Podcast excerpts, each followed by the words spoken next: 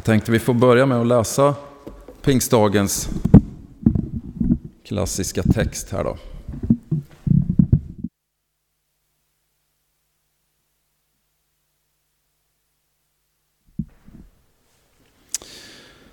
Det är från Apostlagärningarna kapitel 2 och jag tänkte bara läsa de första fyra verserna. När pingstdagen hade kommit var de alla samlade. Jag tänker att det inte alltid är så i pingstdagen i kyrkan nu för tiden att så alla är samlade. Många är liksom inte samlade just när det börjar bli sommar och fint och så. Men det är ju rätt bra egentligen att, att alla var samlade. Det, varit liksom, det är ju en krafttext här. Det har varit lite, liksom, lite kraftlöst som det står också här. På pingstdagen var de bara några få där. Liksom. Det hade varit en dålig start på något sätt. Men nu sabbar jag texten lite grann, så vi får börja från början tänkte jag. Ja, eh, när pingstdagen kom så var de alla samlade. Då kom plötsligt från himlen ett dån som när en våldsam storm drar fram och det fyllde hela huset där de satt. Tungor som av eld visade sig för dem och fördelade sig och satte sig på var och en av dem. Och de uppfylldes alla av den helige Ande och började tala främmande språk. Allt eftersom anden ingav dem att tala. Ja, hej alla pingstvänner. Är ni pingstvänner? Gillar ni texten här? Ja, det verkar som ni gillar texten. Hade ni gillat att vara med i det här mötet då? Eller så kan man tänka så här, nej det här är inte riktigt min kyrkotradition. Det är lite för rörigt här. Jag vill ha lite mer stillsamt. Det, det, kan ju vara så, det är ju faktiskt skillnad att gilla texten, tro på texten och gilla texten och sen om man faktiskt hade varit i den miljön så kanske man tyckte att det var lite stökigt. Man är van vid att det är lite stillsamt och man tänker oj, hjälp, det börjar hända saker här, så känner man sig lite obekväm. Så det är ofta skillnad på det här att, att gilla texten, tro på texten. Om man hade varit där så kanske känslan hade varit annorlunda. Men det här är ju spännande. Texten här säger ju egentligen något väldigt viktigt om hur en frimodig, fungerande tro och fungerande liv kan skapas i kristen kontext. Men jag tänkte att vi börjar lite en annan ända. Ehm, jag var drygt tio år och jag ledare för baptisternas eh, kristendomsskola på Stenungsgården. Jag var ju distriktsföreståndare för baptisterna några år. Det är finare än vad det låter. Men i alla fall så var vi hade kristendomsskolor. Och det var ju kanske ett 50-tal ungdomar ofta. Eh, helt vanliga tonåringar. Två veckors läger. Eh, all, ja, det var som tonåringar är. Det är, mass, det är högt och lågt och det är världsliga bekymmer och det är andliga intresse och det är en del är mer intresserade, en del är mindre. Eh, och det var väldigt traditionellt upplägg och sen hade vi visserligen ganska långa andakter framåt kvällarna, men det var rätt så stillsamt. Lovsångsledarna hade stränga order från mig att ta paus mellan de olika sångerna så att det inte bara skulle sjungas långa sträckor utan man skulle få tid att tänka och be. Och lite tystnad också. Så det var ganska stillsamt. Det som var så väldigt kännetecknande för de här lägren det var att vissa år, ganska många år, så var anden så väldigt påtagligt verksam. Det hände så oerhört mycket saker på de här, vissa år mer än andra. Det här var ju också, några av de här åren så var ju Toronto-välsignelsen, om ni kommer ihåg det, var i omlopp. Och det spillde på något sätt ner över oss också lite grann. Även om vi inte hade så mycket med Vineyardrörelsen att göra så, så det hände väldigt mycket andliga saker. Och jag dokumenterade det här ofta och skrev ner vad som hände olika år, vad, vad ungdomar och ledare berättade för mig. Och ett år till exempel, vi hade 50 deltagare. 30 stycken personer kunde berätta om att de hade fått direkta tilltal eller en väldigt direkt beröring från Gud. 20 stycken fick uppleva att de hade fått profetiska tilltal direkt från Gud. Som de kunde uppleva att det var direkt från Gud. Och eh, det var väldigt många som berättade om en heliga andes väldigt känslomässiga beröring i förbönstunder. Att det kom över dem på ett helt extraordinärt sätt. Eh, vi hade tre stycken deltagare det året som, som såg Jesus i syner konkret på olika platser i rummet. Inte bara andaktstunderna, men de fick syner av att se Jesus och, och olika budskap på olika ställen på gården. Sex stycken av deltagarna började tala i tunga för första gången under lägret. Fem stycken fick gåvan att ge profetiska ord till andra för första gången i sitt liv. Och sen hände det som var udda det året att vi fick vara med om till och med att en demon drevs ut en kväll. Och det var ett väldigt stillsamt, och väldigt kraftfullt skeende. Och där började det liksom ta emot lite grann för mig. Och jag tror ju verkligen på de här bibeltexterna och jag tror ju att det kan finnas. Men, men, men när det här händer och man är med i det här skeendet, då blir man kanske lite skeptisk och man vet inte hur man ska hantera den här situationen.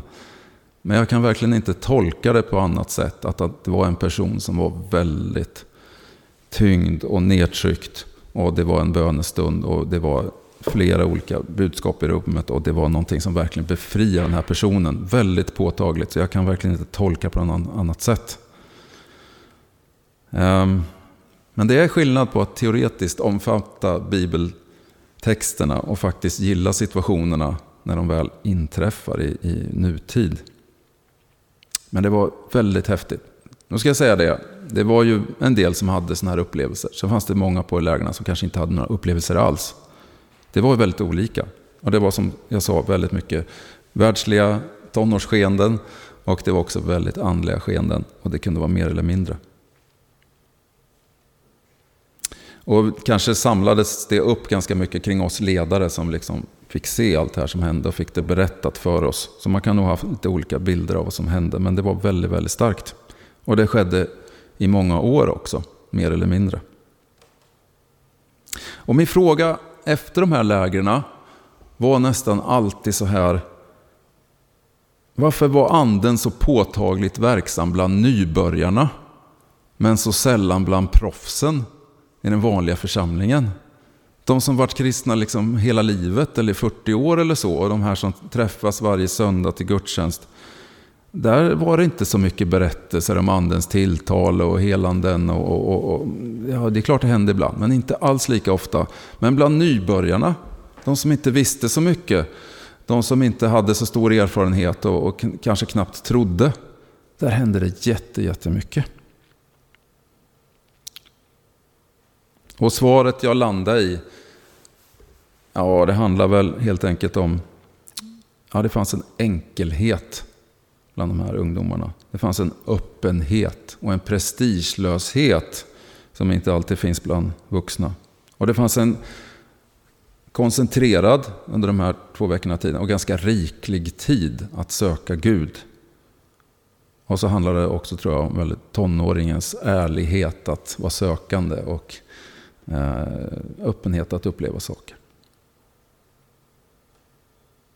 Och det var väldigt tydligt tycker jag att just de här lägrens undervisning. Det var ju väldigt många timmar lektioner som då kunde upplevas lite olika såklart. Eh, I kombination med de andliga påtagliga upplevelser som fanns under det här lägret blev en väldigt stark grund för en fungerande och vägvinnande tro i livet när man åkte därifrån. Och det har vi sett mycket resultat eh, för bland våra unga lärjungar sen.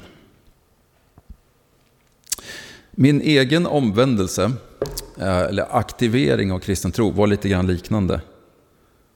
Eh, och jag tänkte, eh, jag har ju talat någon gång förut om att jag varit med och skrivit en bok i mitt liv och för några halvår sedan pratade jag om ett av de kapitel. Jag har skrivit två kapitel och, och nu, nu, tar jag det andra kapitlet. och jag, det är en bok om skapelse och jag är den författare här som har skrivit kanske minst om skapelse. Men det har med det att göra i alla fall. Och det handlar om sista kapitlet här som Eh, beskriver hur jag kom till tro helt enkelt. Och vad var det som gjorde det? Och jag var ju uppväxt i ett baptistiskt hem, hade alltid haft tron med mig. Hade liksom alltid tänkt att Gud finns där och bryr sig om mig. Men den där tron var inte aktiverad. Gud var väldigt långt bort och tron var självklar men, men den var liksom inte nära den här tron. Och det fanns mycket annat jag sysselsatte mig med. Men så när jag var 16 år, skulle sluta nionde klass, så går jag på gatan i Örebro. Och jag hade då, eh, mot, i nian där så hade vi ju läst om eh, evolutionsteorin i skolan. Och då eh, så blev det liksom en lite chockupplevelse för mig. För att jag hade min mormor som hade tutat i mig eh, och liksom berättat att Gud har skapat världen. Och hon hade berättat massa saker. Och så kom skolan och lärde en helt annan sak. Och jag tänkte, det här krockar liksom. Så jag kommer ihåg att jag bad för mig själv eh, en, en sen kväll att Gud om du finns så kan väl du ge mig ett svar på det här. Jag hade ingen vana av att Gud svarar på böner så att jag tänkte att jag blev nästan rädd att be sådär personligt. Men jag slängde ut den där bönen i världsrymden i alla fall. Och så tänkte jag inte så mycket mer på saken. Och så var det bara två eller tre dagar senare så gick jag på gatan i Örebro, centrum där. Och så kommer en man till mig och så säger han, här får du en tidning. Och nu kanske man är van att få flygblad och allt möjligt på stan. Men det där var första gången för mig som jag någonsin fick något utdelat till mig på stan. Eh, och då liksom, ja tack. Och sen var det så här, evolutionsteorin ifrågasatt var rubriken. Så var det en hel tidning om det ämnet. Och det var jättespännande. Och sen strax efteråt så var det någon sån här amerikansk professor som var föreläste i en kyrka där. Och väldigt speciella sätt så hamnade jag, på, hamnade jag på den där föreläsningen också. Och det här var så häftigt för att det var två saker som hände samtidigt. Dels var det all den här kunskapen som fanns i den här tidningen och, och som professorn sa som blev liksom en teoretisk grund som byggde upp min tro. Så. Och sen var det att det hände, att det här bönesvaret hände precis när jag hade bett det här. Och det var liksom så dubbelstarkt på något sätt. Så jag blev jätte, jätte kristen. och jag släppte in Gud i mitt liv och jag upplevde att Gud verkligen kom in i mitt liv. Och första åren där hade jag ganska mycket olika slags starka andliga upplevelser. Och då blev verkligen min tro aktiverad. Och jag blev superkristen. Jag började på gymnasiet sen och jag gick omkring med Jesus-tröjor i korridorerna och jag skulle frälsa alla mina klasskompisar på ett halvår där. Och de tyckte jag var fruktansvärt jobbig, jag lovar. Eh, men det var ändå faktiskt några som kom till tro då. Som inte orkar med och, och att jag tjatar så. Så de tänker att om jag blir kristen så slipper, han, slipper jag att han tjatar. Så att det blev några där. Och några skrämde jag säkert bort för tid och evighet också. Men det var verkligen, tror jag, en viktig grundläggande sanning. Och det är det jag skriver om i den här boken på slutet. Att det, en kristen tro som är fungerande behöver vara baserad både på kunskap och teori och personlig erfarenhet. Det måste finnas båda de bitarna. Eh, och för mig blev det ju så. Man börjar tro och sen så kan man tvivla ibland. Och om det var liksom att man börjar tvivla på den här kunskapsdelen, hur tron teoretiskt sett hänger ihop, och det kan man ju göra. Då fanns liksom de här upplevelserna jag hade haft som jag inte kunde förklara på annat sätt, att Gud faktiskt hade varit där. Då fanns det det att falla tillbaka på. Och om känslorna gick emot, det kunde ju hända tråkiga saker och man tänkte hur kan det här hända om du finns Gud? Och då hade man liksom kunskapsbiten att falla tillbaka på. Ja men teoretiskt sett så måste ändå Gud finnas. Och det blev så väldigt stabil tro.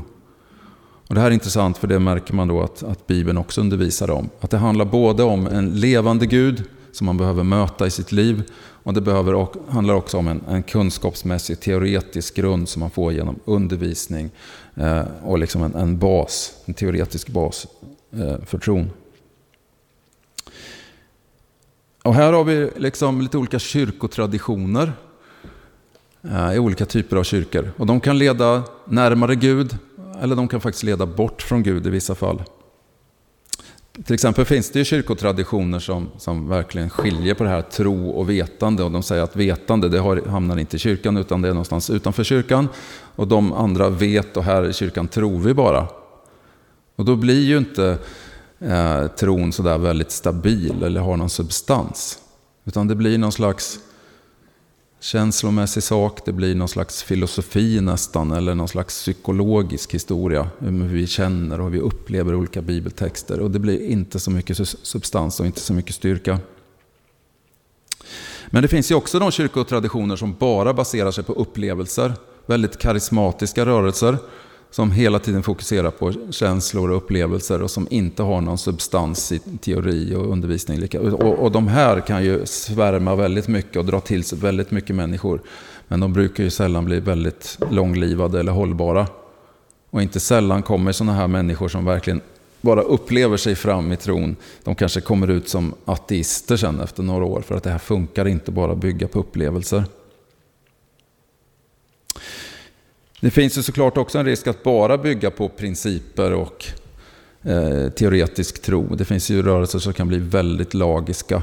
Om man tänker sig att, inte, eh, att upplevelserna fanns på Nya Testamentets tid men nu finns de inte längre och så har man bara principer och lagregler och, och livsstil och så. Eh, och det brukar ju skrämma bort mycket människor. Det är inte många som vill vara där i längden. Så vi behöver båda de här bitarna. Vi behövde både den kunskapsmässiga, teoretiska grunden och vi behöver också en öppenhet för Guds tilltal och Guds direkta beröring och att Gud faktiskt är en levande Gud som vill ha med oss att göra. Och det står ju väldigt mycket om i Nya Testamentet att Jesus säger att jag kom för att de ska ha liv och liv i överflöd. Det är framförallt ett liv som Jesus berättar om och mötet med Jesus som skapar det här livet. Men när Jesus skickar ut sina lärjungar så har han ju också undervisat dem under tre år. Och de har en väldig kunskapsgrund. Och sen skickar han ut dem. Men det är framförallt det här mötet med Jesus och det här livet som det handlar om. Eh, och I Romarbrevet kapitel 1, vers 20 så står det om den här liksom, teoretiska grunden. Det står till och med att alla människor borde kunna tänka sig till att Gud finns. Det står så här, ända sedan världens skapelse har man kunnat se hans osynliga egenskaper, hans oändliga makt och hans gudomlighet i hans verk. Därför finns det ingen ursäkt för dem ja, som inte tror. Och Det står också om det här tilltalet och upplevelsen som är en erfarenhet för varje kristen. I Johannes 3.8 står det så här. Vinden blåser vart den vill. Du hör den blåsa, men kan inte säga varifrån den kommer eller vart den tar vägen. Så är det också med var och en som är född av Anden. Det är Guds tilltal i det inre som vägleder och viskar. Och det kanske inte alltid är så, som en röst man hör, men ett tilltal i det, i det inre i alla fall. Och just den här teoretiska delen och den andliga delen hör ihop. Jag kan läsa ett spännande bibelord här från andra Korintierbrevet kapitel 10, vers 4-5. Och då står det så här. Nej, de vapen vi använder är inte mänskliga utan har Guds mäktiga kraft som kan bryta ner alla starka fästen. Vi bryter ner alla tankebyggnader, stolta argument och allt trotsigt som går emot kunskapen om Gud. Och då skulle man ju kunna tänka sig så här att jaha, här har vi massa argument mot Gud, vi har tankebyggnader mot Gud. Och då ska vi matcha det här, motverka det och då har vi bättre argument eller vi har starkare tankebyggnader. Men då står det inte utan vi har Guds mäktiga kraft som bryter ner alla starka fästen. Det är liksom kanske argument men som kommer med Guds kraft också. Det vävs ihop den här andliga kraften och den teoretiska bilden i en helhet. Att Gud är både teori och upplevelse.